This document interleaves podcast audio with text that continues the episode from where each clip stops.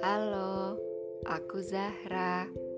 Selamat datang di podcast Genggam Rasa yang bicara gak hanya tentang kamu, tapi juga tentang kita.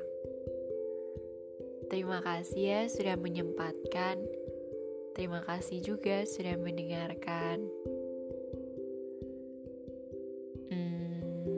Kapan terakhir kali kalian makan coklat? Makanan manis sekaligus obat. Iya, obat rindu. ya, gak cuma rindu, tapi buatku juga mood booster saat sedang dalam mode tidak bersemangat untuk ngapa-ngapain. Bicara coklat, coklat itu punya cerita tersendiri dalam kisah perjalananku dan dirinya. Ya, tentu dulu. Jadi, waktu itu libur semester.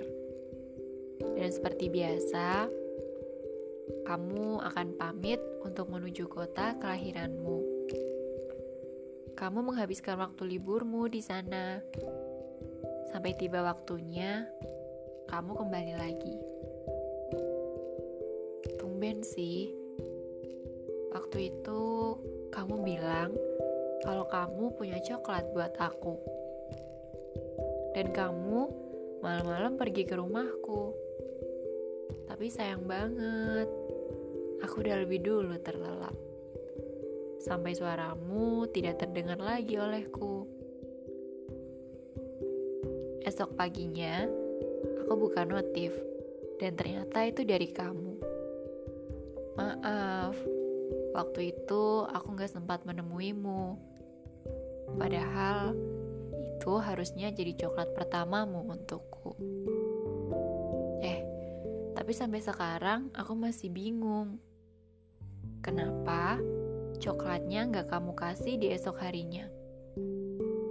Dan akhirnya si coklat pergi tanpa jejak. Tapi sebagai ganti, kamu ingat waktu kita buka bersama, aku dari rumah udah bawa coklat kecil-kecil yang kalau nggak salah jumlahnya tiga. Waktu itu bingung banget rasanya. Gimana cara ngasihnya? Sampai akhirnya kepikiran, waktu kita jalan berpawasan, coklat itu langsung aku kasih ke kamu. Dan kamu simpan di saku celanamu. Malu banget. Takut teman-teman yang lain tahu. Ya meskipun pastinya kamu cerita ke teman cowokmu juga, iya kan? Kadang itu hanya hal kecil, tapi bermakna. Kita nggak pernah tahu apa yang akan terjadi ke depannya.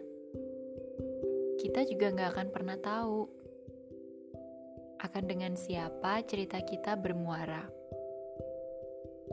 Dan ini adalah kenangan yang bersuara. Terima kasih sudah mendengarkan. Semoga harimu menyenangkan.